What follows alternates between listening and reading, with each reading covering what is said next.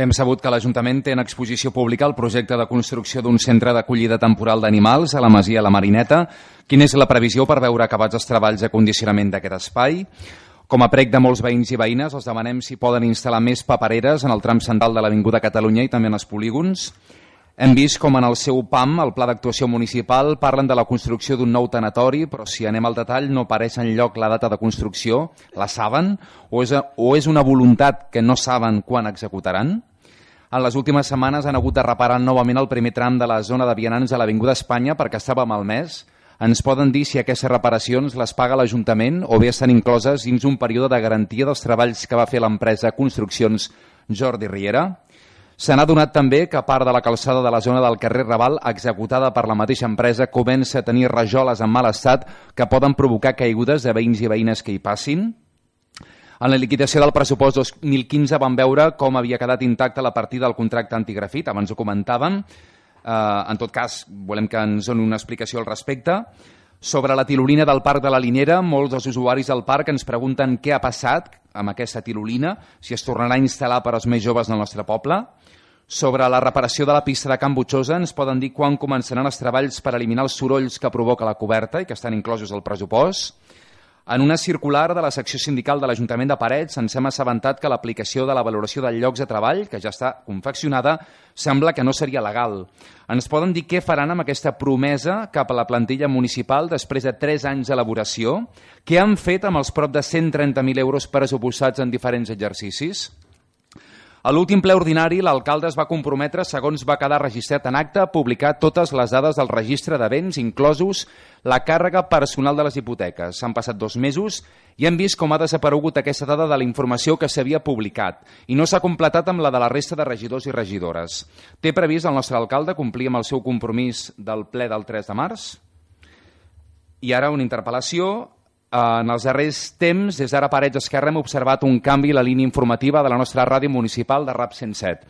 D'entrada volem deixar ben clar que no és cap crítica cap als professionals que fan possible diàriament aquest mitjà i que des de RAP 107 i en aquest cas des d'ara Parets Esquerra els recolzem. Per això volem formular diferents preguntes a la regidora responsable de comunicació en aquesta interpel·lació. Amb quin criteri es determina quins actes els grups polítics es cobreixen i quins altres, o en quins altres, no hi ha personal per fer la cobertura? No troba que és noticiable la visita de la directora general d'Igualtat de la Generalitat a Parets, primera directora d'Igualtat que té el govern català en 36 anys? És normal que els grups de l'oposició no hem pogut opinar en els informatius a la ràdio sobre la presentació del PAM, malgrat haver publicat nota de premsa? És normal que per RAP 107 no sigui notícia les al·legacions presentades contra el pla de millora de Can Gurri i que afecten la masia Can Volart? És normal que els grups de l'oposició no hem pogut opinar en els informatius sobre, sobre el pacte sociovergent a l'Ajuntament i que, en canvi, el regidor de Convergència Democràtica de Catalunya hagi sortit en tres ocasions? Ens pot dir qui, en última instància, torno a repetir, perquè crec que no m'escolta, ens pot dir qui, en última instància, determina què és notícia en els informatius de la ràdio? Qui pren les decisions? I si fem totes aquestes preguntes és perquè en una resposta que vostè ens va fer arribar ens va dir que l'àrea de comunicació no s'ha produït cap canvi en el funcionament ni tampoc en els responsables. Per tant, ens pot dir quin és el màxim responsable de gestionar la ràdio municipal i els informatius a l'emissora? Insistim per acabar que aquestes preguntes no pretenen qüestionar de cap manera la plantilla de treballadors de l'emissora, sinó treballar per aconseguir la pluralitat que en el passat sí tenia aquest mitjà. I ara continua la meva companya Kenia. Bé, estem a les portes d'una nova etapa d'exàmens universitaris de, i de selectivitat. Per això, des d'ara Parets Esquerra, volem saber si enguany hi haurà servei d'aula d'estudi en horari nocturn i festiu, i si és així, en quines condicions i quin horari, ja que creiem que és una necessitat bàsica per les estudiants paretanes que hem de recórrer a les sales d'estudi de Granollers i de Mollet.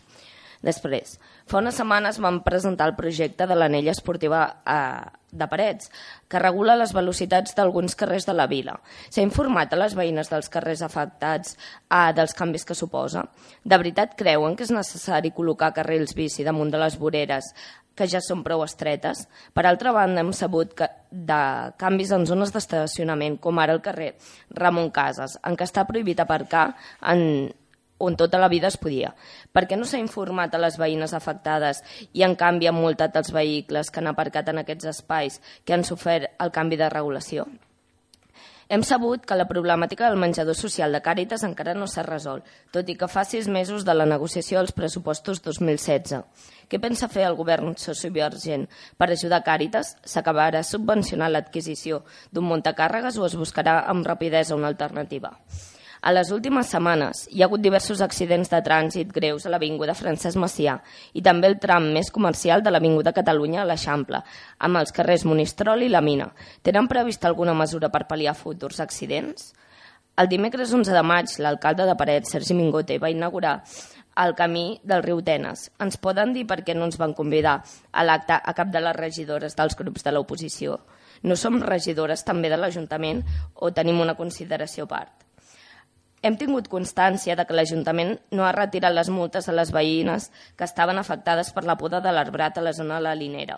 Trobem lògic, troba lògic que la policia municipal multi a les veïnes de la zona a primera hora del matí, tres dies abans de l'inici dels treballs de poda, troba lògic que la descoordinació que es va produir entre l'empresa concessionària Urbàcer i la policia local i ho acabin pagant les veïnes de la zona?